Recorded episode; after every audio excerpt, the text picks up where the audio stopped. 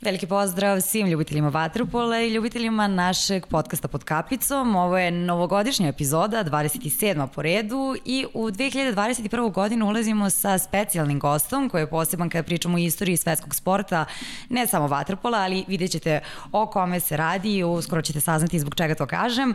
Mi smo srećni što imamo samo pozitivne reakcije u ovih prethodnih pa koliko već meseci trajemo i nadamo se da ćemo biti sve bolji i da ćemo obogatiti pratiti naš sadržaj, ali da ja ne dužim mnogo na samom početku, pa na samom kraju ćemo se i zahvaliti onima bez kojih je ova epizoda nezamisliva, pa da polako najavljamo naše goste. Da, mm, hvala ti na, na, na lepoj najavi, hvala ti na ovom druženju u kojoj smo prošli u nazad šest meseci sigurno, možda smo malo požurili sa podcastom, ali upravo su nas inspirisali ovi zlatni dečaci iz Rija da, da sa njima pre svega odradimo priče, nismo ih još sve okupili u studiju, ali ono što obećavamo svako da ćemo biti i bolji naredne godine, da ćemo se potruditi da malo naš sadržaj, da kažem, nekde i pojačamo po znacima navoda, da budemo uh, i kvalitetni i ekskluzivni i da, da čujete neke nove priče, jer zaista pričam, stalno govorim, možda sam malo i dostan da je ovo e, najbolji poslovni po, projekat u koji sam ušao definitivno, jer uživam upravo e, zbog ovih fantastičnih momaka, zbog e, toga što su zaslužili da imaju i mnogo veću podršku nego što, nego što je uživaju trenutno, pa verujem da, to je da ova emisija u tom pogledu e, pomaže i afirmaciji sporta. I imamo sjajnog gosta za novu godinu. A imamo sjajnog gosta za novu godinu, to nema dileme, jednog mladog, e, super talentovanog, nekog ko je pobarao već sada mnoge rekorde, pa nije zgorek da nam ispriča o njima, pa te molim da, da ga najaviš. Da, pa vaša pitanja dovoljno svedoče interesovanju kada je ovaj momak u pitanju. Sa nama je Nikola Jakšić, reprezentativac Srbije, vatropolista Ferenc Varoši. Nikola, dobrodošao. Hvala, hvala na pozivu. I evo, objačeno pitanje na samom početku. Kako ti se čini naš studio na kraju univerzuma? Odlično. Jedinstven moram priznati, jako mi se sviđa. Najviše mi se sviđa ova tabla ovde sa svim potpisima. E pa to ćeš nam si ti potpisati kada završimo. Možda. Jakša, dobrodošao. E, dobro poznajem ovu osobu sa moje leve strane, pa razumio sam i uvod e, kada je pričamo o istoriji sporta. Prvo, kaži mi kako se osjeća jedan, jedan dečko realno koji je u 22. godini života, sad imaš 23, osvojio sve što može da se osvoji u, e, u klubskoj konkurenciji, repestivnoj konkurenciji. Šta te pokreće sad? Pa trenutno se osjećam baš umorno, ustao sam jutro pre 7 ujutru, a što se toga tiče, Osjećam se još uvijek ne, nezasićeno, mislim da još ima dosta toga što treba da se uradi, što treba da se osvoji, tako da računam da i dalje ovo neki početak. Mislim, početak traje već par godina, ali još uvijek mislim da se na početku, jer treba još dosta toga da se uradi i ne zaustavljam se. Uh -huh. E sad znamo šta te pokriće sada, a šta te je pokretalo u ranom detinjstvu. U tvom slučaju kako si odlučio da izbereš vaterpolo? Pa je ovako, ja prvo nisam izabrao vaterpolo, prvo sam krenuo na futbol, to je jedna jako sramotna priča. Pošto imam dve leve noge, ali krenuo sam prvo na futbal i što mi upisao otac, pošto eto, on je mislio da sam ja talentovan, što je jako, što je jako pogrešio odmah u startu. Tu je već posle par treninga kad se videlo da svi ostali trče na jednu, ja na drugu stranu, da je vreme za neku promenu. I eto, posle toga sam upisao plivanje na vračaru. Eto, iz nekog zašto sam voleo plivanje i kao mali sam voleo vodu i posle dve godine sam eto odšao na banjicu u Partizan i evo sad sam ovde kod vas. A kaži mi taj futbol, gde si, gde si, gde si igrao futbol, gde tu upisao? Pisao me na tamo na, slagaću vas, nisam siguran, mislim da je to bilo tamo, ne znam kako se da li dalje, da li dalje postoji, ali bilo je tamo kod Zvezdara teatra, kod uh, moje srednje škole, aha, aha. šeste Beogradske gimnazije, onaj balon, sad ne, ne sjećam se kako se zove taj futbolski klub, ali verujte mi, Nemojte ni da me pitate. da, da, da. Posto, e. postoje mogućnost da je Hajduk, zato ti, zato ti pitam. E nije Hajduk, Hajduk je malo gore, iza malo iza tamo, da. Ovo je drugi neki. Dobro, dobro. E sad i dalje si jako mladi, mnogo pitanja je bilo na temu usklađivanja sportskih obaveza, škole, izlazaka. Da li si nekad imao osjećaj da žali što propušta žurke, druženje sa vršnjacima, kako to kako se funkcioniš? ne, to je, konstantno sam žalio. Pa evo, na primjer, kada sam, tek už, kad sam eto bio na tim pripremama u Americi 2015 propustio sam i maturu i propustio sam pa eto, tu žurku posle mature što je trajalo, eto sve u tih 10 dana koji sam bio tamo. Kako su eto, oni su bili na žurci, ja sam pratio preko telefona kako ide. Ja, negde nam je, da mislim da nam je Aleksandra poslala da si propustio ekskurziju. Nemojte to da bola tačka. Nemojte, molim vas. A, Propustio jeste. sam, propustio sam i ekskurziju. Sve što sam mogao, to stvarno sam propustio. Da, to, to ono najbolje ekskurzije u trećoj godini srednje. Ono, sedam dana kad se putuje, to Beč, Prag, Budimpešta. Jesam, ali dobro. Na kraju, eto, isplatilo se tako da nije bilo uzaludno. Jel uspeš sada nekako nad, nadoknadiš? Sad, pa nisam dugo išao na ekskurziju, neko osim u Budimpešti. Ekskurziju nego ovako na život. Da, spora. dobro, sad je već malo drugačije, ali da, opet naravno ostao mi je taj žal što nisam išao, što sam propustio te neke stvari, ali kažem, na kraju se isplatilo, tako da nije mi žao. Da, Malo. malo. a? Ali čekaj, pored futbola nije bilo interesovanje za neki drugi sportove, nije? Nije, nije. Vaterpolo je bio- Nije. Nije, vat, posle toga sam upisao plivanje i posle toga sam otišao na vaterpolo. Da, a pošto si eto propuštao kao, kao mlad, opet znači da si stekao neku radnu etiku, da si u svojoj glavi prebrodio brzo da je trening nešto čemu treba se posveti, da se posvetiš, pa ko je, najzaslu, ko je najzaslužniji što si imao, e, da kažem, tu radnu etiku i što si se fokusirao na, na, na, obaveze, na obaveze kasnije u Partizanu? Najzaslužniji za to su moji roditelji ubedljivo koji su, eto, kad sam bio mali kad je sve to išlo, konstantno vozili na treninge, vraćali, terali, škola uporedo sa svim, uspe, sve sam uspeo da uradim, sve zahvaljujući njima, inače da nije bilo njih nikad ne bi mogao da postignem sve to što sam postigao sad. E sad, uh, ne znam da li da ti pitam za pravni fakultet ili da to ostavimo za kasnije, ali Nemojte, izabrao molim si- ne, da ne pričamo o školi Nemojte, više. molim vas sad. Ajmo onda na vaterpolo. Pripadaš generaciji koja nije mogla da se pohvali e, kako na banjici teku med i mleko, a Partizan se suočava sa finansijskim problemima. Da li si nekad pomislio da odustaneš? Pa mogu vam reći da jesam.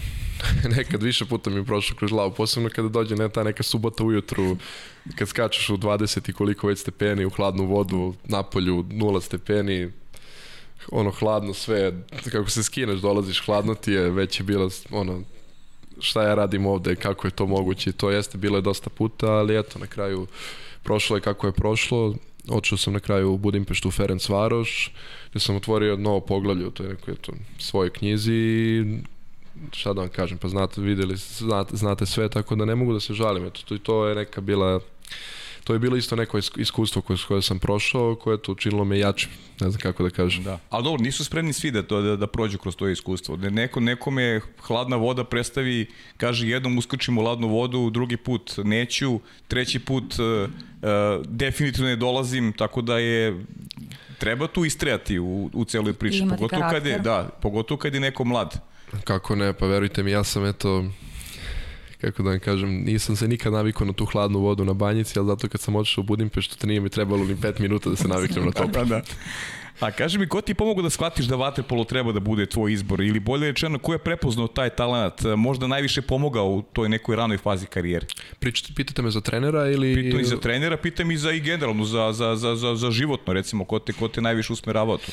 Pa, još kad sam bio mali sam obožavao da gledam vaterpolo i zato sam i upisao plivanje, to više bilo na neku moju ruku i posle toga sam otišao u Partizan jer sam uvijek bio navijač Partizana i onda sam otišao u Partizan da treniram i na kraju sam eto kako je išlo polako, postepeno, došao dotle gde, gde sam sad.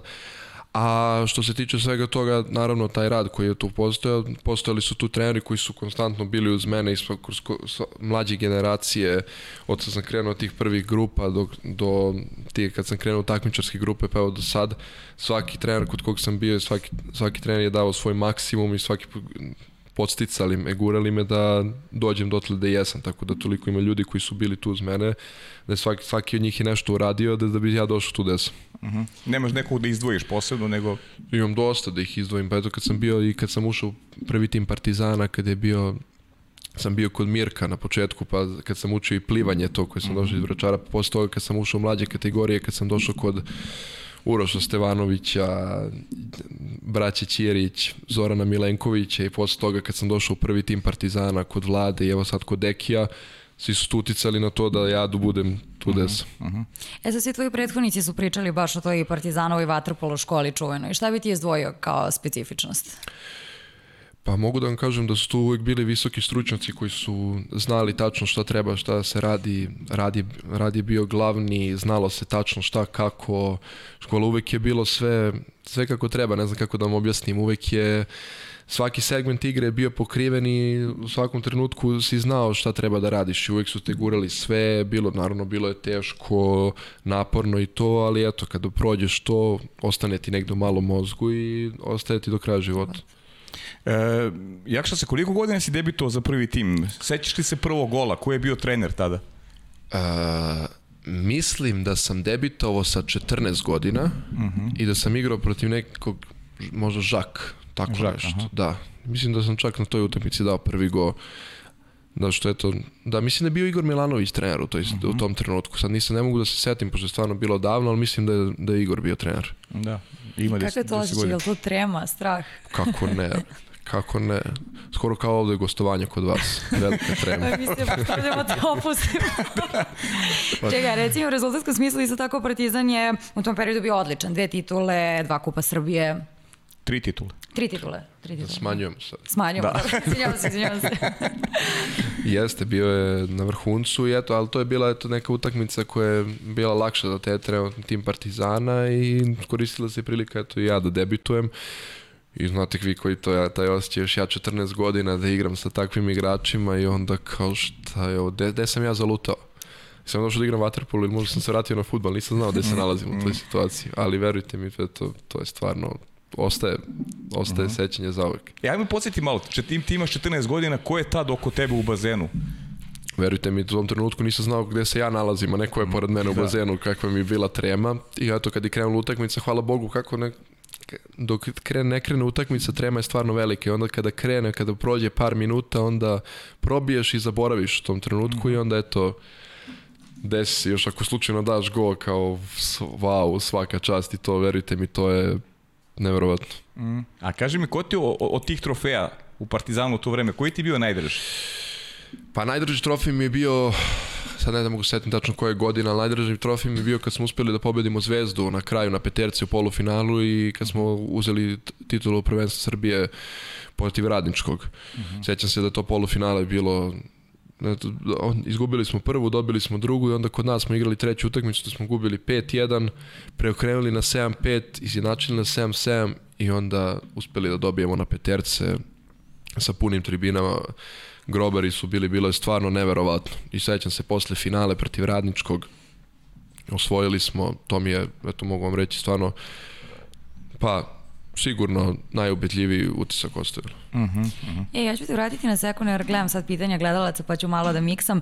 A, da li i dalje imaš tremu pred svaku utakmicu ili si naučio da se slobodiš? Uvek, uvek imam neku tu tremu, sad manje, ma- nekad manje, nekad više, zavisnosti protiv koga igraš, ali uvek ima trema i nije mi, ka, uvek je tu, ali mislim da to ne, zabrinuo bi se da je nemam, nešto ne bi valjalo, jer eto Da. da. ta nekog trema tam me motiviše, bar malo da se napnem i kažem, kad krene utakmica, probijaš nekako kroz to i onda ti bude dosta lakše, zaboraviš totalno. E, a nisi nam definisao a, tvoju poziciju u timu. Tražili su nam da pojasniš šta su tvoje prevashodne obaveze tokom jedne utakmice, koja je tvoja uloga. Pa evo sad, evo, u Ferenc Varošu, ne znam tačno, imam tu neku, razmišljam i golman da krenem da budem, ali to, rekli su mi da treba neka posebna obuka, tako da moram da se zagrem za to, tako da ne može tek, tek u sledeće sezone. A moja trenutna pozicija je centralni back. Back, to mi je glavna pozicija, naravno, opet, rotiram se i to, pošto nije fiksno, ali za sad back. E, kaži mi, da li je tačno, da li imamo dobru informaciju da si imao a, ponudu Dubrovačkog juga i da si bio onako relativno blizu prelaska u, u, u tabor Jesam, Hrvatskog jesam. velikana? Jesam, to je bilo Olimp 2016. godine, to je na 2016-17 da odem u jug.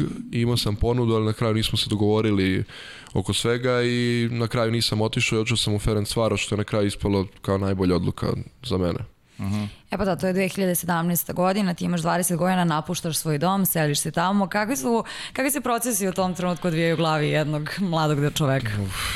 Bilo je naporno tada kao idem u drugi grad, ja se da nije bilo daleko i da nije da je bilo to je realno najbolja opcija, najbliži grad koji sam mogao da izaberem sa vrhunskim vaterpolom i na početku ono bilo je malo specifično drugačije, druga, druga zemlja, jezik i sve to, ali eto u toj situaciji sam imao Mitra i Bobana koji su igrali tamo sa mnom i bilo mi je dosta lakše da se prilagodim i eto na kraju evo sad ovo mi kreće četvrta godina i manje više sam se totalno navikao tako da mi to gledam kod drugu kuću i uopšte mi potpuno, potpuno sam opušten. Jezik si nam rekao da si naučio. Da, da, baš sam ga naučio onako tečno. Dobro, dolaziš svakako dolaziš u, general, u najveći mađarski klub. E, Ferenc Varo što jeste svaku. E, u tom trenutku su počeli da pravi jedan ambiciju za povratak koji, tačnije projekat koji podrazumeva povratak na onako na presto kad je u pitanju domaća scena. E, Posjetit ćemo da je te 2017. Solnog bio prvak Evrope, Dakle, Solnok je tada bio najbolji i realno dobijaš jednu veliku šansu i za neki lični napredak, jer Mađarska liga je ubeljivo najkvalitetnija u Evropi. Tako je, bila od svih, da, pravo si ubedljivo najkvalitetnija i ušao sam u eto tu te, neku tek tad formiranu ekipu formirala se ona i godinu dana pre toga, ali evo tad se formirala baš, pa od primanje više je ostala ista mhm. -huh. kao i dan danas. I eto, na kraju imaš Solno koji je osvojio sve, koji dolazi tu kao glavni favorit, imaš takođe OSC i Eger koji su isto vrhunske ekipe i naprosto sve, većina utakmica je teška, nije, nema tu sad kao neka dobit ćeš 15 razlike, neku nećeš, nego utakmice su sve egal i onda je totalno drugačije. Uh -huh. E sad ja ću morati malo da skrenem sa teme, mene više zanima kako ti se dopala Budimpešta, da li imaš neko svoje omiljeno mesto, kako provodiš slobodno vreme? To isto bilo neko pitanje sa strane, tako? Da, da, ne, ne, to je moje pitanje. A, to je tvoje pitanje, okej. Okay. Uh, Budimpešta je stvarno prelepa i jako se brzo navikneš, jako je slično Beogradu, lepo je uređena i dosta stvar, pa ne znam šta da, šta da ti kažem, po, među vremenu dok nemam treninge ili između treninga ili se izađe negde da se na, na piće negde ili eventualno uveče negde da se ode opet na neku večeru ili nešto, ali mogu vam reći da je jako slično Beogradu i da nema toliko stvari na koje treba da se prilagodiš osim naravno narod, mađari, jezik i to, ali ovako jako slično. Uh -huh. Ja, jesi gledao Ferenc Varoš u Ligi šampiona u futbolu? Kako ne? Išao sam, imali smo karte, dobili smo kartu od kluba, išli smo da gledamo protiv Juventusa, trebali smo i protiv Barcelone, ali uveo se ovaj policijski čas tamo i situacija, eto, kao i svuda takva i na kraju je bilo bez publike. Ali mogu sam za malo da gledam i Barcelonu. Promaklo. Ajde, dobro, promaklo, promaklo. Drugi put. Drugi pa ako, tako se budu kvalifikovali još jednom. I kada, pošto je ovo bilo posle. Pa da, oni su se kvalifikovali zadnji put 95, znači 25 godina. Da, da. Pa za 25 možda. Pa dobro, za 25 pa. možda pređeš u Barcelonu pa će gledaš na licu. Da, da. e, ta sezona 2017-2018 je bila uh, baš onako fantastična. Tada ste osvojili i kup Len, e, Super kup Evrope, e, prvenstvo i nacionalni kup Mađarske, zaista jedna neverovatna godina, četiri takmičenja, četiri trofeja. Tad smo krenuli jako, što bi jako, se da. reklo da. i Eto, uspeli smo da osvojimo prvenstvo, posle toga kako je krenulo, osvojili smo i Len posle toga, uh mhm. -huh. to jest pa pre toga. I eto, onda kako je krenula ta druga sezona, to je drugi deo godine, igrali smo taj kup i super kup, da eto, uspeli smo i tu da triumfujemo. I nekako smo sad, evo kažu to, na, posle toga, naredne dve godine, uspeli smo da vežemo neki neverovatan niz pobeda, gde, šta da vam kažem, ekipa se napravila takva, uspeli smo da vežemo Rekao sam već ovima, dosadno je možda, pustit ćemo ih možda, evo neki trofej da uzmu vreme, ne možemo samo mi. A koji ti najdrže od, od tih trofeja? Koji je onako najteže, najteže osvojen? Uf, najteže trofej koji mi je osvojen, pa dva trofeja. Najteže smo osvojili moje prve sezone prvenstvo protiv Soloka, Pričam baš za tu sezonu, 2017-2018. A za tu sezonu, mm -hmm. da onda prvenstvo protiv Solnoka, to nam je najteži trofej, jer eto, nakon, neko, pobeli smo u seriji 2-0, mm -hmm. igra se na 3 dobijene, kako došla treća utakmica, još smo imali prednost domaćeg terena, naprosto, eto, mi smo ušli tako lagano u utakmicu, tako su nas razneli, da je bilo jedno 7-8 razlike, da sam mislio da igrali s nama, kako onda došla utakmica četvrta kod njih, izgubio još jedan razlike i onda poslednja utakmica Da, Eto, uspeli smo na kraju neko da dobijemo jedan razlike i da osvojimo to prvenstvo, ali bilo je toliko naporno da ne mogu da vam objasnim. Još posebno kad igra svaku utakmicu na krvi nož gde svaka greška košta. Tako da je bilo baš naporno, ali eto, uspeli smo da triumfujemo i to mi je sigurno za tu sezonu, tačnije za tu godinu, ubedljivo najznačajniji trofej. Uh -huh. E, a Mađarska liga je najjača na svijetu. Da li si imao osjećaj da si postao bolji igrač u toj konkurenciji?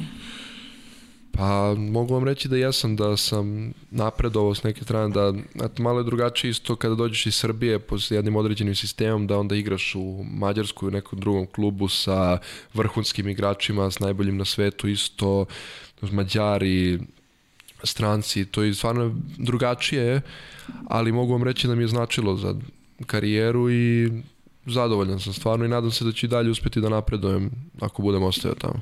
Uh -huh. A to često, izvini, pričamo uh -huh. o srpskom vaterpolu, mađarskom vaterpolu. Kolike su razlike?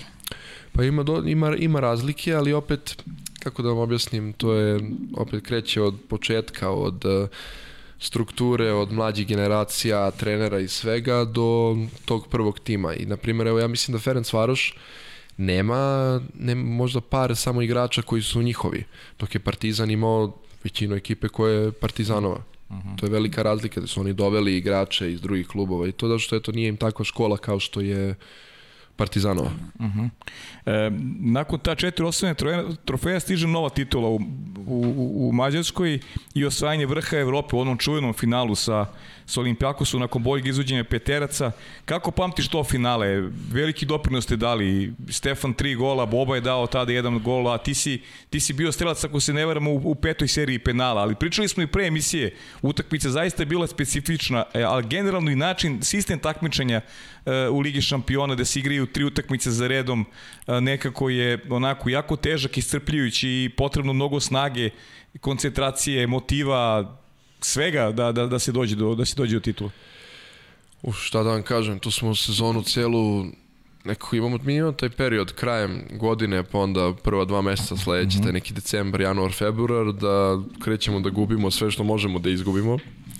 I onda smo mi tu ligu šampiona, taj Final Eight, očiti kao četvrti u grupi gde smo igrali četvrti finale protiv Juga koji je isto bio vrhunski mi smo se pripremali za njih gde smo uspeli da triumfujemo, pa što najgore dosta lakše nego što sam mislio, jer smo već, većinu utakmice vodili, što nisam očekivao, gde sam i onda posle toga igrao protiv Barcelonete koja nas je dobila dva put veoma, pa nije, prvi put nije lagano, ali drugi put poprilično lako, gde smo i njih na kraju uspeli da, tri, da pobedimo, a susret pre toga Olimpijakos izbacuje Pro Reko koji je bio glavni favorit, mhm. -huh. gde ti ulaziš u situaciju da si ušao u, u finale, ne znajući šta se dešava, da si ti u fazonu ljudi, mi ako dobijemo sledeću utakmicu, osvojili se ligu šampiona. A mi otišli kao četvrti u grupi.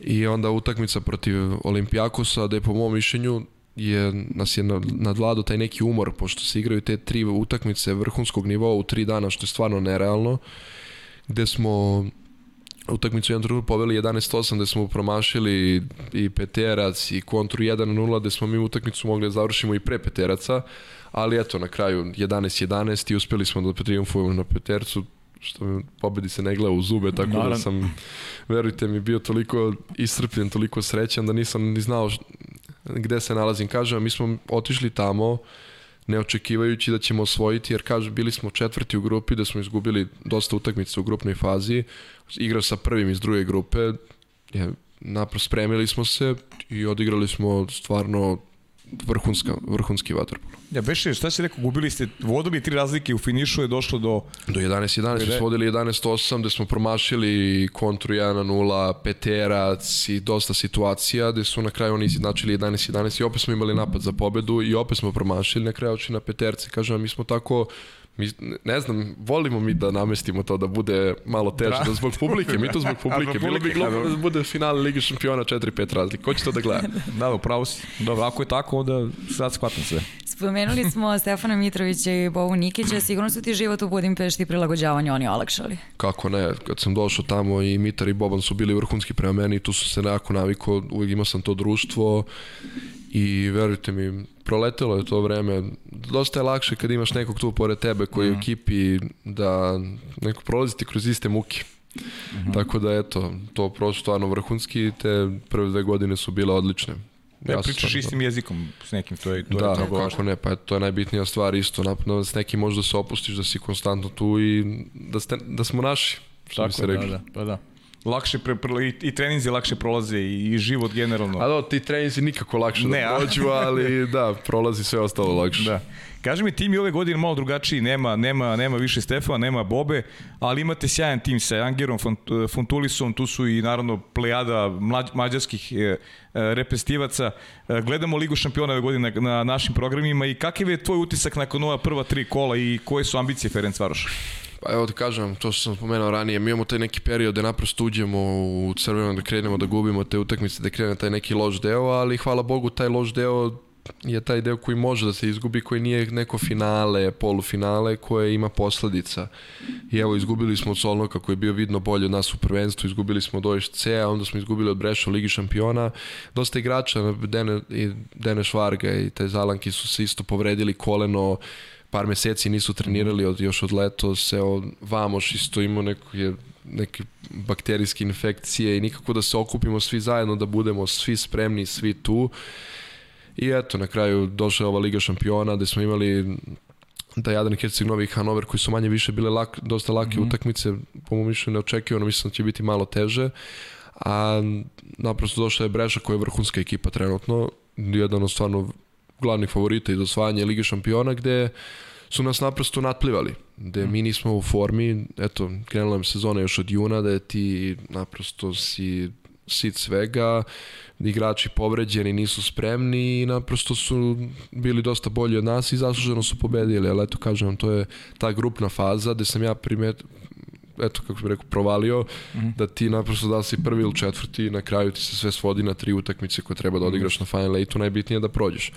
Jer kad to kažem, mi smo prošli kod četvrti, pobedili sve tri utakmice, osvojio se Ligu šampiona, tako da kažem, najbitnije je da se kvalifikujemo na taj Final Eight, a ta tri dana kad dođu u junu, ta treba da se pokida. Jeste, jeste. I to ćemo pratiti. Pratit ćemo da, da. E, do kada imaš ugovor sa Mađarima? Kakvi su ti planovi za budućnost? Uh, pa mislim da se vratim na futbol, što mislite o tome. Na Pa košarku? to, da, može. Ne, pa futbol i Fudbal, košarka vidjet ću nekako, to mi je to me privlači sad trenutno, šalim se. Sad mi ističe ugovor u eto, krajem juna, ali nadam se da ću ostati u Mađarskoj jer stvarno kažem vam, navikao sam se tamo baš fino pričam jezik Najvažnije. Da. i pre svega mi je stvarno lepo u Budimpešti navikao sam se kažem osjećam se kao da mi je druga kuća i volao bi da ostanem tamo to ću znati u narednih par meseci ali stvarno se nadam da ću dalje, dalje karijeru nastaviti tamo Uh Ajmo sad jakše malo na reprezentaciju. Ovaj, ti si neko ko baš nije imao previše vremena da se naigra sa svojim vršnjacima u juniorskim selekcijama. Ja, kako mi je to krivo. Najviše sam teo a? da igram. Pa ne, zašto sam uvijek bio, uvijek sam bio najmlađi. Mhm. I onda naprosto kada dođe situacija, kada dođe ti eto neka juniorska svetska prvenstva za tvoje godište, da si ti napokon sad kao najveći, napokon tvoje godište. Uvijek si igrao sa starima koji su duplo jači od tebe i sve Mhm. to kao napokon ja i na kraju ne uspem da odigram to mi onda još ovaj zadnji koji je bio u Beogradu. Mhm. Bar sam to mogao da odigram, naprosto da se osjetim u nekom ja, nekoj ja situaciji moćno.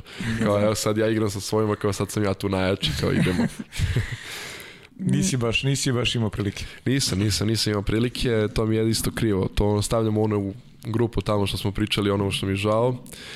Ali kažem, eto, naprosto šta da, mislim, ne može se poredi. Da li sam igrao svetsko prvenstvo ili za juniore, Naravno. to naravno nema, ne može se poredi. 2015. svetsko prvenstvo u Kazanju, imaš 18 godina, nalaziš se u društvu Filipovića, Prlinovića, Aleksića. Da li si očekivao? Kakav je bio osjećaj? Uf, to je jako bilo neverovatno za opisati, zato što ja sam došao tada, eto, kao sa 18 godina, došao sam u tu ekipu neverovatnih igrača, najboljih na svetu, gde, kažem, dođem u situaciju da ja stvarno, kad gledaš na treningu i ovako ljude šta rade, da, sam, da li sam promašio sport, možda sam stvarno trebao da neki futbol. da. tako nešto, tako da to je nekto, tad je krenula ta neka moja reprezentativna priča gde kako je krenulo to svetsko prvenstvo naprosto bili su, svi su bili odlični prema meni, nije bilo kao neko najmlađi si ovo ono, uvek je bilo, uvek su tu podrška, sve što treba da se pomogne to i naprosto sam se ostio kao da sam domaći, kao da sam jedan od njih i naprosto to prvenstvo je proletelo, mislim neću da oslažem kad smo završili to finale, krenulo da mi se vrti u glavi od adrenalina, od umora, od svega, nisam znao gde se nalazim, trebalo mi je malo vremena, morao sam sednem malo da se stabilizujem, Mhm. da vidim šta se dešava.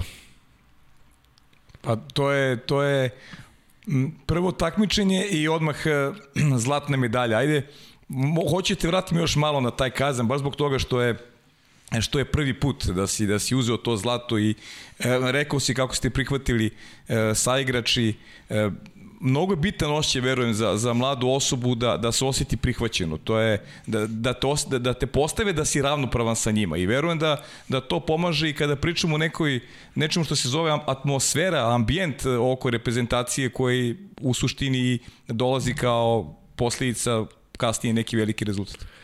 Verujte mi, mnogo znači. Posebno kad bi došao, da mislite da sam došao u tu ekipu i da je ono bilo, ajde kao beži mali, kad da si ti došao, da si ti zaluto i to, ne, ne verujte mi, ne bi, ne bi znao gde se nalazim. Ovako mi je bilo mnogo lakše, navikao sam se tako brzo da, eto šta da vam kažem. A o, bolje odmah se uzme zlato, lakše, bolje to nego da se, da, da, da, da, da se ne uzme, da.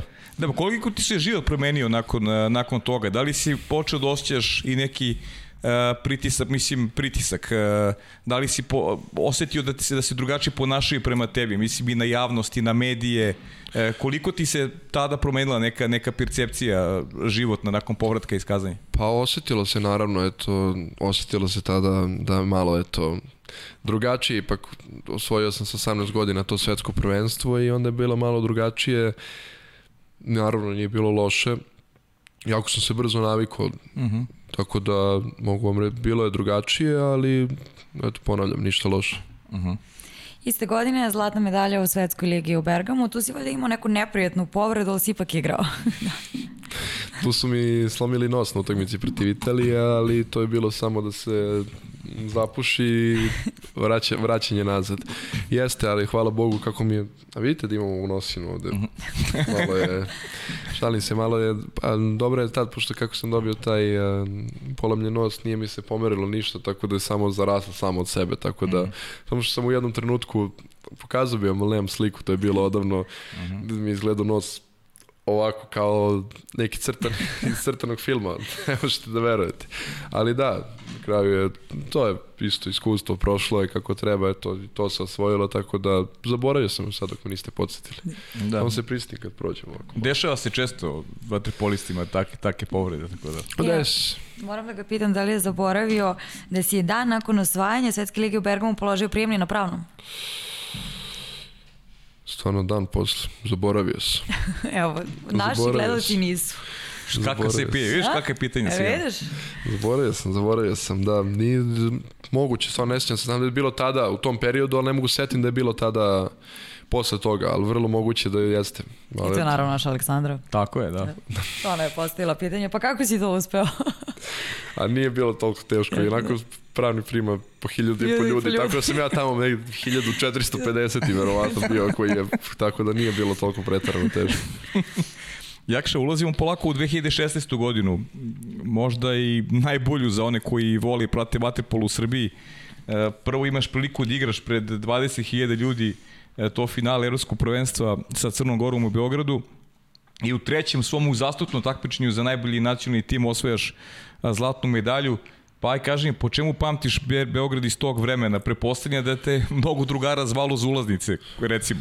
Da, i bilo je dosta toga isto normalno, a kako, na onome što čemu pamtim to, pamtim po tome što smo igrali u areni, to je prvo bazen u areni, uh, Drugo što smo igrali finale pred skoro, slagaću vas, ne sećam, 20.000 ljudi, ne znam koliko je bilo, te ne mogu da vam objasnim koji je to ambijent, još kad osvojiš pred tolikim brojem ljudi, to je, još meni, ne, ne mogu da vam, stvarno to mi je neverovatno bilo.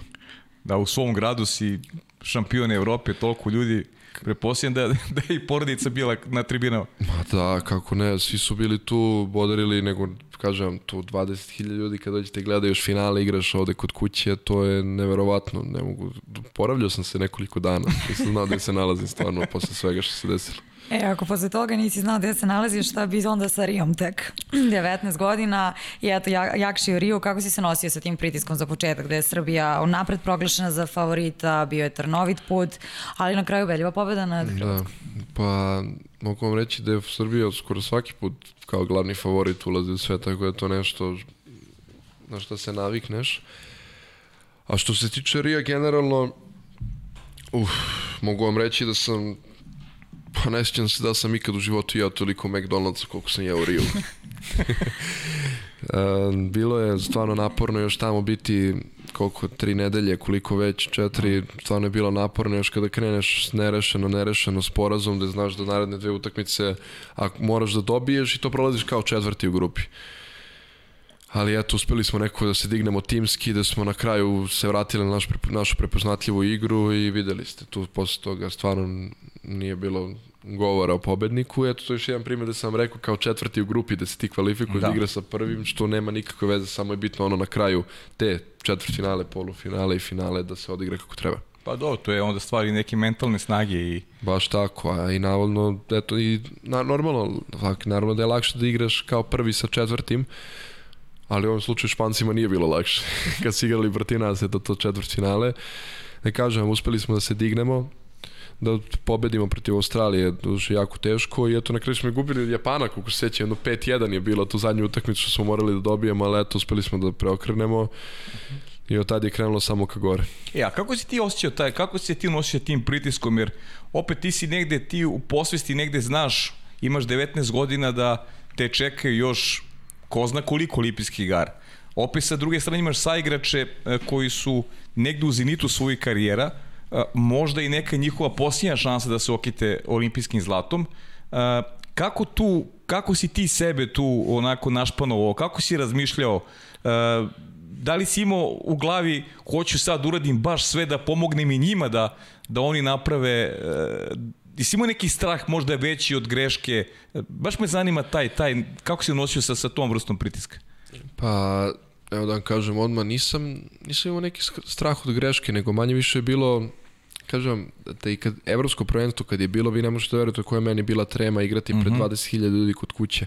Ovde nisam osjećao toliko tremu jer sam znao da, eto, mi smo tu, spremali smo se toliko za to, svi znamo zbog čega smo došli, najbitnija je stvar tu ja možda nisam imao tremu, verovatno su stariji ti koji, eto, kao što kažeš, imali tu veliku tremu, ali ja sam uvijek bio tu da dam svoj maksimum, jer hvala Bogu, olimpijske igre, naravno, bez obzira što je meni, što su meni prve, ne mora da znači da ću ja sad neki sledeći da osvojim, ali sad ako imam ovu šansu, što ne bih osvojio. Tako je. Ne. Da.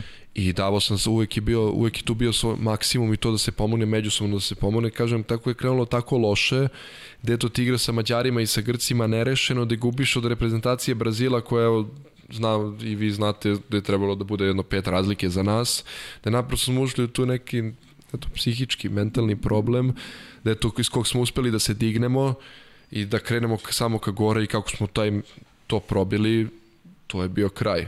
Mm -hmm. I eto, naprosto, šta da vam kažem, da međusobno smo se gurali, međusobno smo bodrili jedni druge i na kraju smo, mislim, zasluženo i uspeli da osvojimo. Mm -hmm. E, zakrenulo je loše, završilo se dobro, sigurno je tu bilo dosta i anegdota i situacija, je li ti je ostalo nešto upamćeno? Ovako iza kulisa.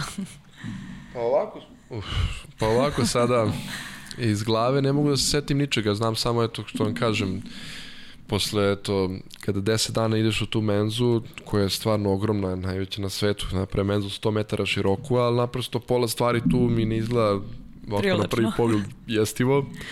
Druga polovina stvari mi izgleda ok, od toga su neke pice i to što ne možeš da jedeš svaki dan.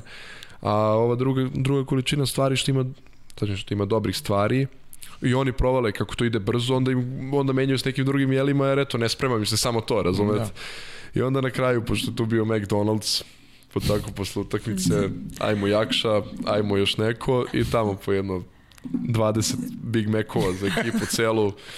I tako smo eto preživljavali. Kažem, jeli smo Mac sigurno jedno 6-7 puta, ne zbog toga što da bi preživeli, eto naprosto da promenimo malo, jer kažem, na, posle toliko vremena i kada to se ne menja hrana, nema šta da jedeš i ne, nekako da preživimo. Možda smo u Meka uspeli da se dignemo u stvari. Uh -huh. Evo da, zbog Meka, znači Mek je, Mek je zaslužen za...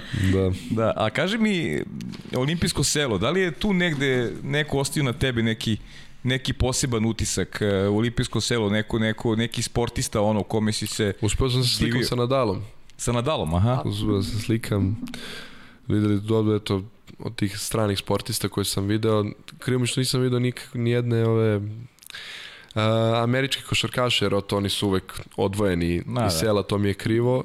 Bar da je tu uzmem sliku sa nekim od njih. Uh -huh. To sam uspio da se slikam sa Kevin Durantom, a to je bilo vrhunski, ali eto nisam uspio a, da... voliš, voliš Duranta, a? Pa ne, volim, volim LeBron Jamesa, ali eto Durant isto da. vrhunski igrač, kako ne, pa kad imamo priliku, kad ću imati ja priliku da se slikam s njima, ako ne tad. Da, da, da. Mm. Sada vam kažem koji sam maler. Namislite mi kad smo otišli sad evo za pripreme ove prošle godine, kad smo išli u Ameriku, da odemo da gledamo NBA utakmicu Lakers i Denver, uh -huh. gde ti gledaš Jokaru sa svima i kao eto da više LeBron Jamesa, neko duživo čovjek, najbolji da. NBA igrač na svetu, posle 30 i nešto utakmica, prvu utakmicu ko ne igra.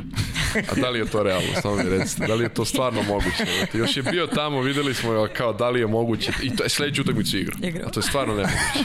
ne, nevjerovatno, stvarno. Stvarno, znači... to jeste malo, da. Ja bih to tako doživio, pošto ja bih volao da vidim ovaj neki igrač tako uživo ali... Mislim, stvarno ne znam. Da ga zamolim, molim te bar uđi na minut. Uđi na minut. Da Kad sam već došao, neću doći opet, molim te. A kaži mi, 2017. je prekinut taj zlatni niz. Tada si okači prvu bronzu oko vrata Budimpešta.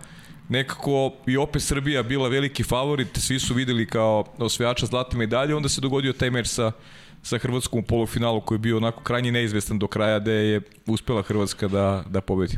Pa jeste, naprosto se desila situacija da moguće da je bilo malo pražnje posle svega što se osvojilo i eto na kraju mi smo opet tu utakmicu trebali da dobijemo, ali eto nismo bili na našem standardnom nivou, izgubili smo to polufinale i pobedili smo Grčku, ako se sećam, za treće mesto. Uh -huh.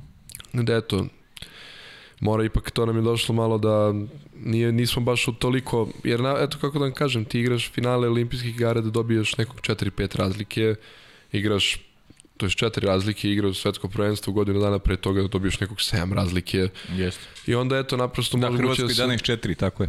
I onda naprosto se desi situacija da eto možda smo ušli lako u utakmicu, ali kažem, nismo bili na, na našem prepoznatljivom nivou, da ja isto mislim da kao posle toga u Barceloni kad smo igrali polufinale da je bilo kog sećam tri razlike. Je tako? E, da. Da, kad smo se već prepoznali, opet je to nešto, to je ne, ono, kako da vam objasnim, taj neki naš nivo, to je teško da se dođe, ali mi kad dođemo na taj nivo, stvarno nas je teško dobiti. Mhm. Uh -huh. Evo godinu dana kasnije nova titula prvaka Evrope u Barceloni, peterci sa Španijom, najava nekog novog velikog rivalstva. Možeš li nešto da izdvojiš sa tog takmičenja? Uf, pa što se sećam tog takmičenja mogu da izdvojim da eto bilo krenuli smo Bilo, bilo je lepo vreme, ako ništa. da. Niste jeli mek tad, niste nismo, da nismo, nismo, tad nije moralo. Bila, u duše nije, kako sećam, nije bila nešto baš dobra hrana tad u hotelu. Mm -hmm. Ali eto, preživljavali smo. Bez meka, bez, bez meka, meka ovaj put. Dobro.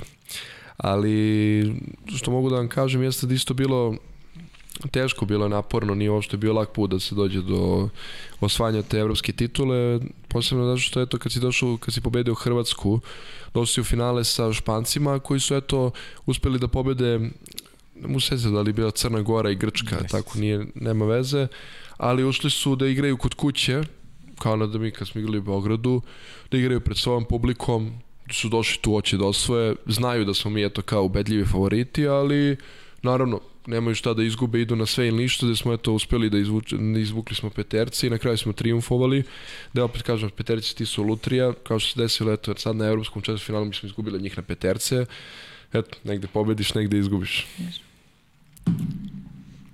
Gde smo sad?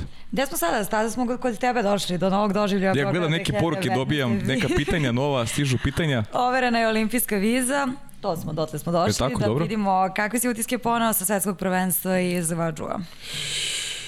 Pa eto, to i um, taj Guangzhou je to bila ta podmlađena ekipa koja eto, je pokazatelj neke smene generacija koja dolazi kasnije i eto, naprosto smo otišli i kaže, opet smo na, kako nam zapadnu ti španci na kraju, ispada kao da od njih, samo da. njih ne možemo da dobijamo i da imamo neki trn, da, da, da su nam neki trn u oku i eto šta da vam kažem, naprosto ima dosta igrača prvi put igralo veliki turnir, opet četvrt finale je najbitnija utakmica jer izgubiš, ne igraš za medalju, prođeš, uvek si u konkurenciji za medalju naredne dve utakmice. I eto, da kažem, ta utakmica, sećam se dva popodne, sunce, a sve utakmice su bile ili predveče ili rano ujutro i onda igrati, Španci su bili kompletni, igrali su vrhunski, mi nismo mogli se sastavimo, naprosto imali smo dogovore koje ništa nismo ispoštovali, stiglo nas je neki taj, da li je bio umor, sve i svašta i na kraju eto to možda taj nedostatak iskustva i spremnosti nas je koštao tog četvrt finala i tačno prolaska dalje. Krivo mi je zato što mislim da smo stvarno mogli da iznenadimo sve, posebno sa tom mlađom ekipom, da se vidi da Srbija i posle toga kad odu svi ovi šampioni, da i dalje najbolje. E, a kaži mi samo, o tome zanima. E, da li si sad imao taj neki utisak u glavi da si, da si lider, da si neko od lidera? U nedostatku sad a, tih igrača Andrije, Fiće, Milan Aleksića, da li si osjećao kao neko ko treba da povuče sada veći teret, iako si opet i u toj ekipi bio jedan od najmlađih po godinama. Ja sam u svakoj ekipi jedan od Tako najmlađih, je, da. to ne moraš uopšte da govoriš. Da. Ali da, neko sam se osjećao kao da tu treba ja da budem taj koji će da povuče, da digne, da uradi, da odradi to.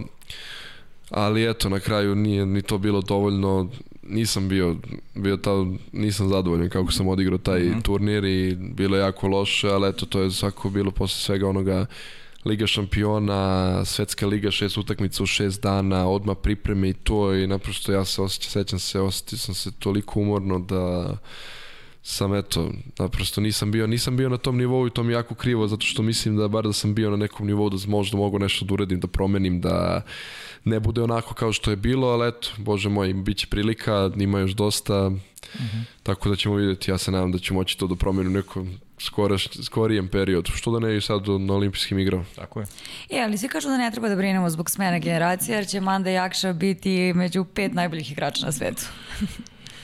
To, su, to je laž. e, to za vaterpolo? Da, za da, vaterpolo? da. Ne znam, ne, nisam... Šalim se. Prijati, verovatno, to, da. to govore ljudi, to govore ljudi iz Waterpola, to nisu ne, naši naravno, pesa. naravno, da, naravno kako ne, ja bi da jesu i da nisu iz Waterpola, naravno da mi prija, posebno više znači kada su ljudi iz Waterpola, ali eto, kažem, to tek treba da se ustanovi dosta drugačije sad kad odu ovi šampioni koji su najbolji trenutno na svetu i dalje i kada oni odu ostajemo mi ili treba napraviti novu ekipu, novi sistem, drugi igrači, naprosto mora da se uđe. Mi nismo imali dovoljno vremena da se pripremimo za taj Guangzhou, -huh. jer eto imali smo malo vremena, ta svetska liga je bila posle dok smo se pripremili i svi su, eto, nije bilo to to. Kad bi imali, eto, onda kad mi, kako, se, kako sam shvatio i to mi 2022. imamo split evropsko prvenstvo, ja mislim. Da, da. Tako Sigur. da mislim da je to time ćemo pripreme i to je mislim da će to biti vrhunska prilika da vidimo na čemu smo i kakva je ta generacija kad može da se pripremi. Uh -huh. E, tada ćemo ti malo da analiziraš to, ali pre toga bi mogli da čujemo jedno pitanje. Još jednom veliki pozdrav za sve gledalce podcasta. Znam da se moj strašni cimer raspričao ovaj do sad, tako da evo, bit kratak. Neka objasne situaciju na kraju Evropskog prvenstva u januaru ove godine kad je Brle došao u našu sobu da, da traži kapicu šta mu je, šta mu je on dao. Pozdrav za sve. Ćao. Ko je, ko je ovo? ne znaš ko je. Ne mogu da prepoznam. Nismo videli sliku, ali glas je prepoznao sigurno. Ko na neki medved. da, bez. Uh, što se tiče tog pitanja, uh,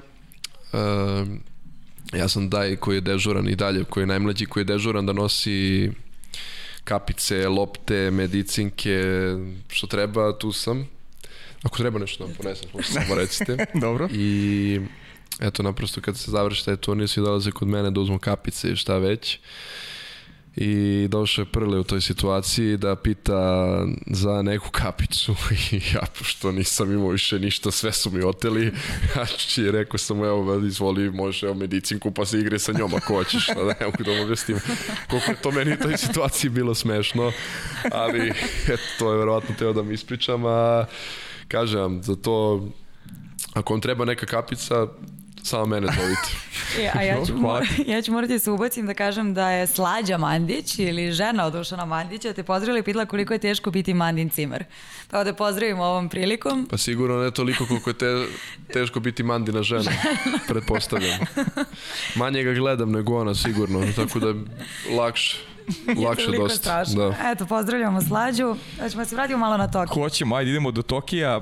Ove godine, šta će biti ove godine u Tokiju, Jakša, zaista konkurencija je, čini mi se, sve jača, ozbiljnija, pričamo o Španiji, Italija uvek opasna naravno na olimpijskim igrama i zbog nekih drugih stvari, ne samo igračkih kvaliteta. Mađarska koja ti igraš sa mađarskim pesticima, znaš u kom su oni stanju, ti najbolje ih poznaješ prilike u Mađarskoj. Crna Gora koja igrala sjajno ove godine na Evropskom prvenstvu, osvojila uh, bronzanu medalju Hrvatska, dakle uh, jedan onako širok spisak, uh, da kažem, kandidata na olimpijsko presto koje vi čuvate. Ili branite u stvari. Mm, šta da vam kažem, bit će sigurno teško. Sve ekipe su trenutno vrhunske i svaka utakmica će biti na krvi nož, posebno zato što olimpijske igre se kvalifikuju samo najbolje ekipe. Tako da će svaka utakmica biti teška, kao što je bilo i u Riju. I samo se nadam da nećemo morati da krenemo kao smo krenuli u Riju, nego da možemo da krenemo malo bolje, da ne moramo da gubimo svih koji dođu tamo. Tako da mislim da biće sigurno teško, ali verujem u ekipu i verujem da, verujem da smo i dalje najbolji i mislim da to možemo da pokažemo i da moramo da pokažemo i nadam se da ćemo uspeti da odbranimo zlatnu medalju. Mm -hmm. E, spomenula si malo pre obaveze najmlađeg igrača i sad sve zanima, pošto si na svim takmičenjima, jel te, najmlađi igrač, a, kako, kako izgleda ta vojnička hijerarhija, da čujemo? Uh, šta konkretno? To ne samo sve tvoje obaveze. Ne, sve tvoje obaveze kao, kao najmlađeg igrača. Pa, evo ovako. Kada su neke situacije kad krećemo rano, budim, uh, nosim sve što treba te lopte, medicinke, skupljam naravno isto posle treninga, uh, svaki put kad uđem u autobus brojim, da, se, da smo svi na broju, plan i program ide preko mene, pa onda šaljem igračima da se zna kako i šta. Pa to je sad evo što mi jedino pada na pamet. Jedino je dobro što eto mogu da ukradem neke kapice na kraju turnira, to mi je vrhunski. Ovam uvaljujem medicinke, a ovam uzimam kapice. e pa da mi čujemo još jedno pitanje. Hm? Ajde. Ajde. Pozdrav svima u studiju. Imam jedno pitanje za Jakšu, a to je da li si se pomirio sa činjenicom da ćeš uvek biti jedan od najmlađih u reprezentaciji? Jes. Yes. Stvarno jes. Nema šta, stvarno je tako. I sad kad ako bude ovo smene generacije, opet sam najmlađi.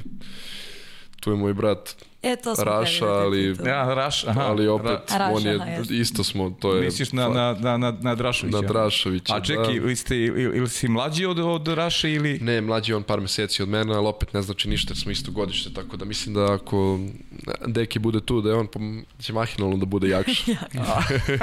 da on će makino bude jakša. da, pa po navici, pa šta već je tako je to zadnjih šest godina što ne bi bilo i dalje. Pa svako najmlađi sam tu, tako da ćemo se, ako ništa bit će mi lakše, će mi pomagati. A ne nazire, se. Ne nazire se nikom mlađi, ja? Pa ja ga im nadu mog burazera, ja se nadam da će E, uskoro on tu negde da krene malo, da mi se, da krene, da krene malo, ne mogu sam, da mogu, da, da, zamislite kako, kakav sam ja brat, znači ja njega čekam da mogu da mu predam loptu. Lov. Sjajno. e, a to smo i htjeli da ti pitamo, da li ćemo vas gledati u reprezentaciji zajedno? Pa ja se nadam, najviše zavisi od njega. Ja sam tu, čekam ga i ja se nadam da hoćete. A kako tebi deluje, kako tebi izgleda? Ono kad gledaš, malo si pristrasan sigurno kad gledaš rođenog brata, uh, igra sada za, za prvi tim Partizana, uh, pratiš prepostavljam šta se dešava, kako ti, kako ti gledaš uh, na, na Odličan je, meni je on odličan, pa nisam, objektivno, full objektivno. Dobro, okej, okej, naravno, da. odličan je, stvarno je dobar i mnogo ima, stvarno mislim da može jako dosta da napreduje, ima 19 godina i mislim da stvarno da može, a i da treba da svojim radom pokaže da uđe u reprezentaciju i da zaigramo zajedno. Da, bilo bi sjajno. To bi bilo sjajno. Da. Pa braće Pjetlović, pa evo do, dođemo do braće Jakšića. Jakšić. E, ne znam da Braća smo... Rašović i ima, Ima. ima, ima Ne znam da li smo prošli repre, reprezentaciju karijeru, da li da mi pređemo na pitanja gledalaca? Ajde, možemo, možemo, da, možemo, možemo pređi, pošto ima Ajmo, dosta pitanja, dobili ajmo smo da se... toliko pitanja za tebe, mi ćemo pokušati da uh, postavimo sva. Jelena Stojanović pita koji saigrač i koji trener su imali najveći uticaj na tebe? Najveći uticaj Najveći uticaj na mene, pa eto, najviše se družim od svih saj, saj igrača, najduže sam sa sa Mandom i to, još od Partizana i to, smo zajedno cimeri i to, tako da eto, najviše sam sa njim, a što se tiče trenera, ne znam sad koga da izdvojim, zato što u mlađim kategorijama sve sam ispričao da sam imao uh, trenere koji su me eto napravili kad sam krenuo da plivam, dok nisam znao da držim loptu do prvih te, utakmica početka 13-14 godina dok onda dođeš u prvi tim kad kreneš da igraš sa šampionima gde dolazi onda pravi vaterpolo gde ti vidiš na čemu si, tako da ih ima toliko da ne mogu sad nekog da izdvojim posebno. Mm -hmm. E, ja da ne zaborim, veliki pozdrav od ti si mlad Sandija Mertelja koji je nekada bio reprezentativac u Sloveniji u vaterpolu. Kaže pozdrav svima pogotovo šampionu Nikoli i on pita koga je najviše naučio igre u odbrani i ko je po njemu najkompletniji odbrani igrač trenutno? Uh, najviše, najviše za odbranu od koga sam naučio, naučio sam od Vlade, da, s kojim mi pokazuju te sve vežbe što znam za beka, Vlade, sam Vlade naučio od njega, da. Mm. A što se tiče odbrane, trenutno ko je meni najkompletniji igrač u odbrani, no pored mene naravno. Da. Šalim se. Uh, pa sad koga bi mogao da izdvojim na mojoj poziciji po meni Aleksandar Ivović sigurno meni on trenutno i najbolji bek a i mislim da je on tu meni najkompletniji igrač u odbrani. Uh -huh. Kako si se osjećao kada si proglašen za najboljeg sportista u sportskog društva Partizana, kako za najboljeg mladog sportista od strane OK? Počastvovano mogu vam reći, zato što je to... Sada Partizan to, tri puta. Da, tri godine sam dobio Partizanu za redom. Ba znaš, nismo imali koga drugog. A što se tiče ovog... E, e, najmlađe, mislim, najboljeg mladog sportistu. Najboljeg mladog sportistu. To sam stvarno bio počastvovan što sam uspeo da dobijem na nivou Srbije, jer tu ima toliko sportista, toliko sportova, gde mi stvarno bila čast da mogu da predstavim eto, Srbiju kao najbolji mladi sportista, eto, neko tom nekom najboljem svetlu. Eto. E, Jelena Stojanović ti pita koji ti je najdrži trofej? Moj najdraži trofej, reprezentativni ili klubski? Pa možeš, pa dobro, klubski si rekao već da je onaj, a da je klubski u stvari Ferenc Varoš, prepostavljam da. Da, za klubski, eto, za taj prvak Evrope mi je stvarno najdraži, jer eto, smo prošli kroz sve, a što se tiče reprezentativnog, pa mogu vam reći, mislim, eto, naravno, olimpijske igre su olimpijske igre i najbitniji -huh. trofej, ali naj, najviš, najviše što ću pamtiti jeste igrati finale i evropsko prvenstvo pred 20.000 ljudi ovde u areni. To mi je sigurno ostavilo najveći utisak i eto to mi je nek najznačajniji trofej baš iz tog razloga. Uh -huh. Više puta si stajao na balkonu, da li ti je dalje prvi najdraži? Jeste, jeste, zato što pa eto koliko, koliko puta sam bio ispred i koliko puta sam gledao na TV-u i onda naprosto kad dođeš tamo prvi put, ali nekako totalno drugačije, to osjećaj i trema, velika trema. Trema kao da igram utakmicu, a treba samo da mahnem. Mah. da. Tako da jeste prvi mi je ostavio najveći utisak.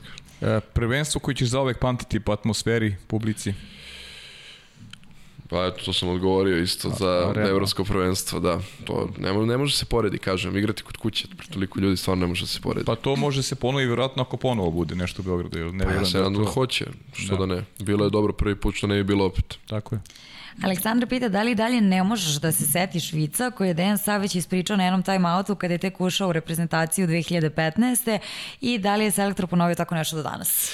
Nije ponovio ni, ništa do tada, ne mogu da se setim jer sam bio u finalu i dobio sam finale i nisam čuo ništa, bio sam samo, sam vidio da je bilo, kako sećam, 10-4 tada, da je bilo tako da sam samo hteo da da li, da li je ovo moguće, to sam se pitao, samo da li je ovo moguće. Ali ispričao je, znači, Vici, definitivno to. Da, ispričao je Vici. A kaži mi pitanje, da li je, da li je brat talentovan za vaterpolo kao on? Pričali smo njemu, da li misliš da ima talenta kao ti? Mislimo ima, na Petra. Ima, ima sigurno, ima i više i zato sam i rekao da mislim da može da bude tu. Misliš, misliš da je talentovanije? Mislim da jeste. Lepo. Lepo. Koga bi od tvojih vršnjaka voleo da imaš za saigrač u reprezentaciji? A, mislite da ovim... Mm, Tvoj vršnjaka. Od tvojih vršnjaka? A kao mi od uh, saigrača trenutno koji nisu u reprezentaciji ili da, od... od, od ovih koji nisu pa trenutno, nisu, a ti bi volao da ih... da Da. Uf, pa ne znam, sve njih, navikao sam se na njih i u Partizanu i ovako ne mogu sad nekog da izdvojim da mogu da kažem, e, kao ti, uh -huh. tebe bih voleo, ne, zašto smo mi svi tu nekom, kako da kad taj ambijent kad dođu oni, osjeti se drugačije i navikao se, to je kao iz kluba i onda da, da dođeš u reprezentaciju, neko si kao kod kuće, ta atmosfera ti je drugačija, posebno kad igra sa momcima koji su tvoje godište. Uh -huh, uh -huh. Ja, nisi nam pomenuo da si u toku Evropskog prvenstva u Beogradu proslavio svoj 19. rođendan. Niste mi ni pitali. A pa nisam pa je moja. Evo, sad te pitam. Kad sad te pitamo. kad je već toliko bio bitan, mislim bitan je turnir i sve, a bio i rođendan taman. Jeste, jeste, 19. rođendan, 17. januara. Sećam, sad ne mogu se setim, Znam da je bila torta.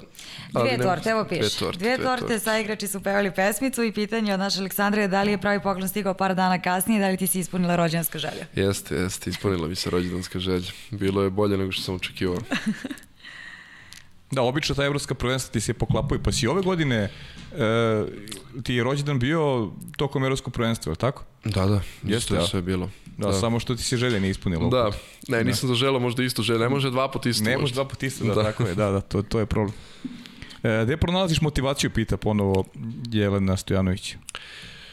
Pa motivaciju pronalazim u tome što, eto, kažem vam, mlad sam i dalje i ima još dosta toga i mislim da evo kako je ovako krenulo i ako, smo ovoliko, ako se ovoliko stvari već osvojilo sa reprezentacijom, što ne bi mogli još da budemo najbolji što duže možemo i da napravimo nešto da se zapamti kad odemo da to je ta generacija, to je ta reprezentacija koja je 15 godina uspela da dobija sve.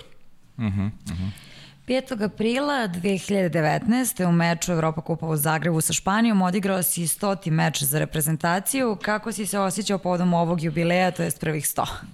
Nisam imao pojma da mi je 100 utakmica.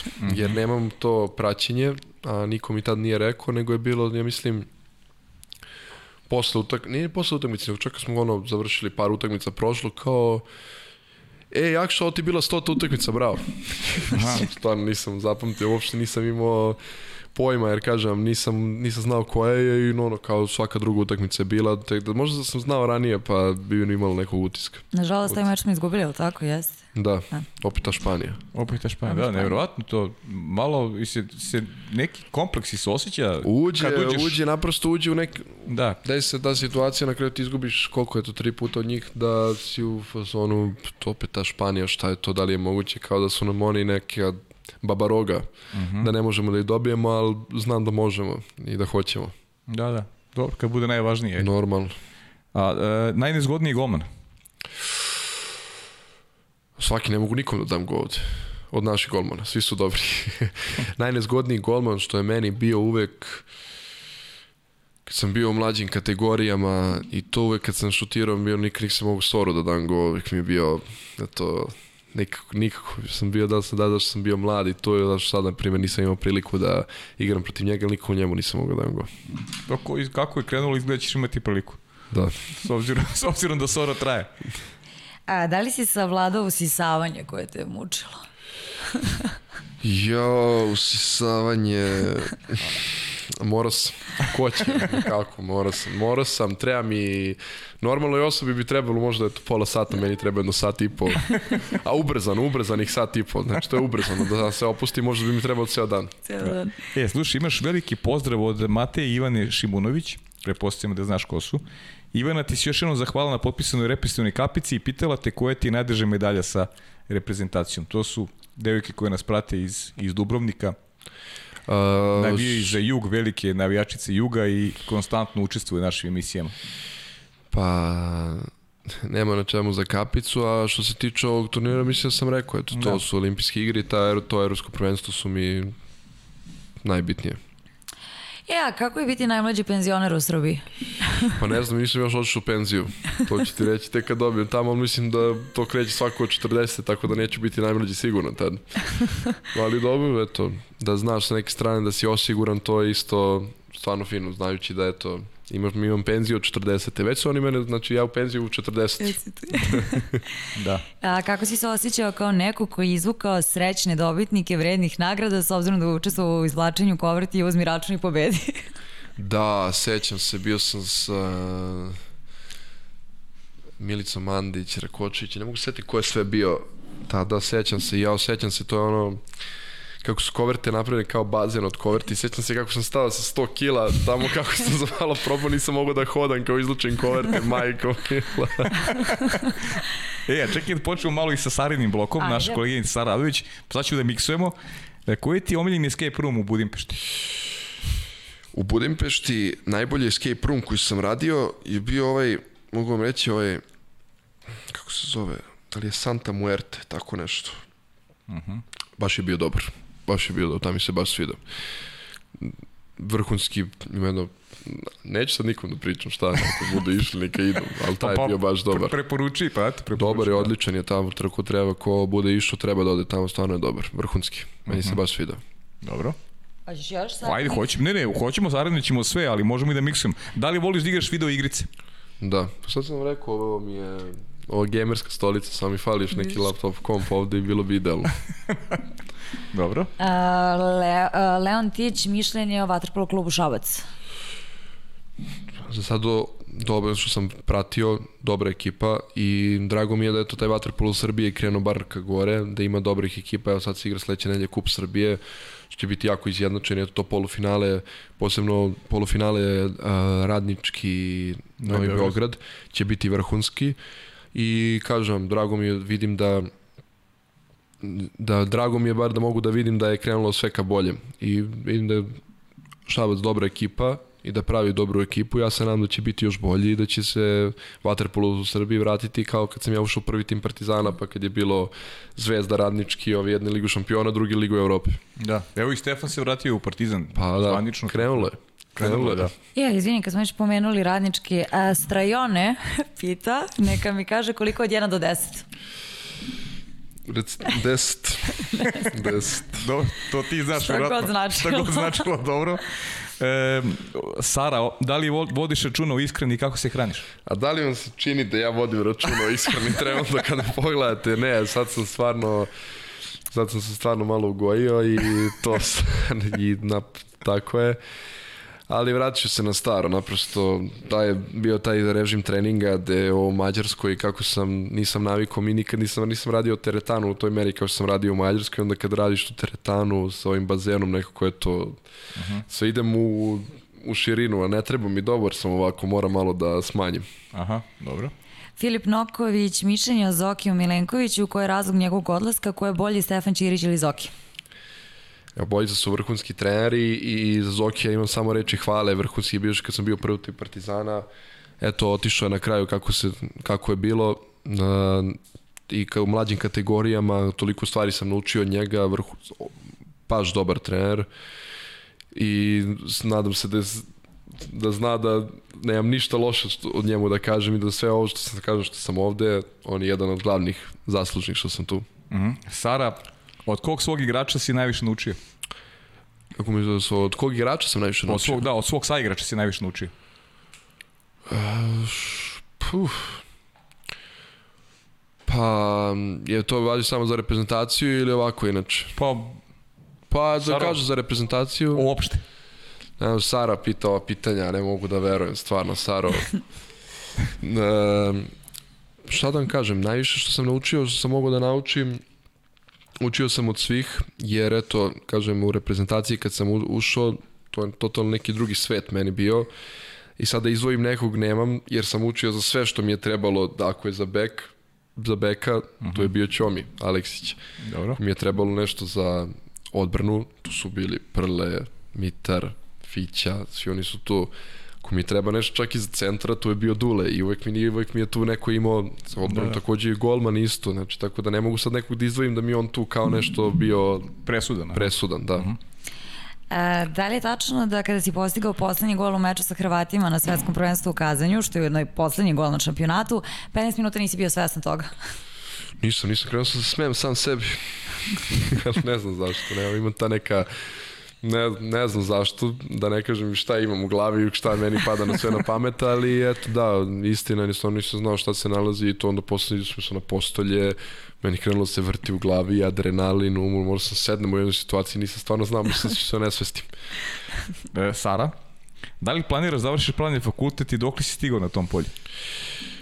Što se tiče pravnog fakulteta, ne pitajte me ništa, tu sam gde sam, to je stvarno tema, dok sam otišao u Mađarsku nisam uopšte na onom nivou gde sam trebao da budem i nisam, eto, nisam davo nikakve ispite, ništa, baš malo i to tamo, tako kad sam otišao, tek sam dao jedan, dva ispita u dve godine, tako da sam stagnirao skroz i nadam se da ću uskoro uspeti da završavam to. A dok si stao? Dok si stao? Stao sam, na kraju sam bio Ne na treći. moramo sad toliko. e, ali to se nadovezuje na pitanje tokom početka korone, ga bio si u Budimpešti i izjavio si da ti je dosadno, ti samoće teško padaju, da si dosade počeo da šetaš, a vreme ispunjavaš učeći. Znači, nije bilo tako. Ne, vreme sam e, ispunjavao učeći, ali to učenje je bilo više da učim, to ka, uđe na jedno, izađe na drugo uvo, tako da više nije bilo Nije bilo kao što je bilo. Krivo mi je zato što sam izgubio tu neku radnu naviku koju sam imao, ali dobro, šta da radim. Ja, pa i sad ovo pitanje. Teško je, Sarino. Ovo je baš ozbiljno pitanje. Filip Filipović ili Andrija Prlinović? Nemoj, Saro, molim. A koja su to pitanja? Sada izađem iz studija. Stvarno, kako je to pitanje? Kako ja sad izaberem između, između njih dvojice, recite vi meni, kako? Ne možete to Kažeš, da nek, kažeš nekog trećeg. Ne, mogu, ne mogu. Evo ja ću izaberem ovog cimera Mandu. Dobro. Ne mogu ja. Dobro. A, čekaj, čekaj, čekaj, sada ja. Ajde ti pa čitaj. E, pa. s obzirom da si osvojio sve što se moglo osvojiti, koji si cilj sada postavio sebi i na koji način se motivišeš? Idemo još jednom da osvojimo sve. Da se obrne igrice, Ma znači? da. Bravo. Ne, da se još jednom obrni Pa igrica. to, a još jedno su, pa Još to, jednom. da. Već smo je obrnuli, moramo još jednom. Još jedno, pa to. Da li dalje glavu bistriš pred ispite u parkiću na Zvezdari? Ko sofe, kako ljudi znaju ove stvari. Pa vidiš, E, mi smo najspremnija emisija. Da, kažem vam sad trenutno bilo je, jeste istina ali sad pošto nisam išao na ispit ne bistrim nig, nigde glavu. Da, so, tako, tako da nisam bio skoro. U kom klubu bi volao da zaigraš u budućnosti? Pa iskreno da vam kažem, volao bi da ostanem u Ferenc Varoš, ovo što sam rekao da tamo mi je stvarno fino, navikao sam se i volao bi da ostanem tamo. Dobro. E, sve pohvale za učestvovanje u akciji i skretanje pažnje na inkluziju dece sa smetnjama u razvoju. Kako je bilo vaterpolo kapicu zameniti šlemom prilikom akcije adaptacije škole deca ometeno razvoj Dragan Kovačević? Nisu imali šlem za moju glavu, morali smo sačekamo 15 minuta da dođe neki poseban, a i taj poseban je bio, ne znam da li ste primetili, ovde malo knap. Nismo. Dobro je, dobro, nemojte ni da gledate. Da, Šalio sam, šalio da. se. Ali dobro, svakako lepo je učestvovati u... Ne, bilo je stvarno, stvarno mi je bilo drago što sam mogao da pomognem i drago mi je što vo- volim da učestvujem u takvim akcijama. Samo sledeći put ako me budete zvali nešto da, da sređujem i to, molim vas, XXL veličina kacige i to je to. Da. E, pa meni je ostalo... E, Jokić Katarina pita da će proslaviti novu godinu. Trenutno nemam nikakve planove, vjerojatno će biti to neka kućna varijanta, tako da ćemo videti, ali stvarno nemam nikakve planove trenutno, jer eto kakva je ova situacija, ne znam ni šta će raditi sledeće nelje, a ne da li Bukvalno. gde da idem za novu godinu. Bukvalno. Pa ja ne znam više, ne znam da li imamo još neka, ja mislim da smo manje više sve prošli. Da, evo ja gledam isto, Ima sportski moto. da. Sportski moto? Mm, uf, pa ne, kažem, dajem sve od sebe da budem što bolji da bi mogo da ostavim nešto iza sebe, da eto, mo kažem, može se kaže na kraju 15 godina su bili najbolji, osvojili su sve.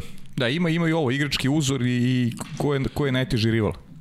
Mm, za rivala, z, pa kako da, pitam za igrača ili za ekipu? I za igrača i za ekipu. Pa trenutno za, evo, za igrača, pošto ja igram beka, najteže trenutno protiv koga mogu da igram jeste kad igram protiv Duleta, Dule je vrhunski centar, a što se tiče um, šta si mi pitao? Ekipe. E, što, E- ekipe, da. što se tiče ekipe, ja mislim da je tu uvek najteže igrati protiv to proreka. Protiv proreka. Da su oni uvek najbolji, da su uvek klasa i da su uvek glavni favoriti. Da, i igrački uzor. A igrački uzor uvek sam gledao, i kad sam gledao za, pošto eto, prema sam postao bek, uvek sam gledao Vladu i Vanju. Vlado i Vanja, aha. Da, oni su mi bili stvarno top. Mhm, super. Evo ja se gledam, mislim da smo manje više na sva pitanja odgovorili. Nemoguće. Da, izgleda Ima da Sara jesmo. neko glupo pitanje. Izgleda da je, da je to to. Eto, ono što ja volim da pomenem na samom kraju porodice, mi smo tvog brata spomenuli, ali evo ovom prilikom da pozdravimo tvoju mamu i tatu koji su verovatno najzaslužniji. Jesu, ja sam rekao, oni su da. najzaslužniji, tu su. Gledat će sigurno ovo. Uh -huh. Verovatno ću dobiti neke kritike posle toga, verovatno za novu godinu. Mama, mama voli da kritikuje to. Krenuo si rečenicu sa pa. I da tako Pa. moja mama voli da, Da, kritikuje, Pa, da. pa, Svaka pa, pa, mama. pa, pa. Evo, unapred da bude, bude lakše. Tako da, eto, da, naravno, oni su, eto, zaslužni za sve to i sigurno se zahvaljuju na pozdravu, mogu se zahvalim umesto njih, tako da gledat će i mislim da oni svako gledaju emisiju stalno, tako da Super, da. su veliki fanovi. I gledat će tebe verovatno opet kod nas. Ne, ne, Prvom pazi, ovo, ovo je tvoje prvo pojavljivanje ovde, ti toliko još toga ima da kažeš u Waterpolu, jako si se šali da ćeš malo da pređeš na futbol, ne damo te futbalu, ostaješ tu i, i družit ćemo se, pošto će biti sigurno i novih velikih rezultata, bit će svega i svačega u tvojoj karijeri, tek si počeo, a toliko mnogo postigao i hvala ti puno što si, što si bio naš gost. E, a ja ću da te pitam, samo izvini, pitala sam na početku kako ti se sviđa studio, sada te pitam kako ti se čini intervju. Jel nema dobar, dreme? Dobar, dobar. Imam, imam samo jednu manu za neka pitanja od neke devojke ovde što mi postavljala, ali to ćemo posle kad ovo ugasimo sve, kad sredit ćemo ugasimo to kamere. posle. Dobro. A inače je stvarno bilo dobro. Hvala vam puno još jednom na pozivu i doručit ćemo se opet, ja se nadam. Hoćemo sigurno. Koje ćemo sigurno. Pa evo, pa šta sad radimo? Da se za novogodišnje čestitke zahvalimo našim saradnicima. Ajde, Hoćemo mislim, da mislim, pitamo redom. mislim da su zaslužili. Ajde, možemo redom. Znači, sastavni deo naše emisije je konstantno naša draga Aleksandra Milošević, Jelena Stojanović, Marina Đurić, Mateja Ivana Šimunović, srpska reprezentativka Jovana Pantović, Aleksandra Pantić, Aleksandar Pantić. Aleksandra Pantić, naša naravno koleginica Sara Radović, ako preživi. Po, da, da, da. Naravno, na- i naravno Sandi Mertelj, koga je pozdravljamo jako posebno, repre, bivši reprezentativac Slovenije u, u Waterpolu, koji takođe učestvuje redovno u našim emisijama, postavlja pitanja i ima tu još ljudi koji, koje nismo nabrojali, ali eto, širi se baza i, i naših saradnika i to mi je posebno drago. E, drago mi je što ljudi učestvuju, eto, postavljaju interesantna pitanja, rad učestvuju u ovoj emisiji i ne znam, možemo zaista da, Ništa za, da zahvalimo zaključimo svima godinu. koji se javljaju postavljaju pitanja, Jeste. a stvarno ih je iz nedelju u nedelju sve više i više. Uh, Hvala vam od srca. Hoćemo da najavimo sledećeg gosta ili Pa da... možeš Hoćemo. slobodno, možeš, Da da. kažemo da će sa nama biti Nikola Rađen. Nikola Rađin je s nama, da, sledeći gost, imamo tu još neka iznenađenja koje pripremamo, ali ajde da ne otkrivamo imena, ali bit će sigurno uzbudljivo u studiju na kraju univerzuma iz početka 2021. godine. Ja sam sigurna da ste uživali u ovom intervju sa Jakšom, a mi se vidimo u 2021. godini sa Nikolom Rađenom, tako da šaljite pitanja. Svako dobro.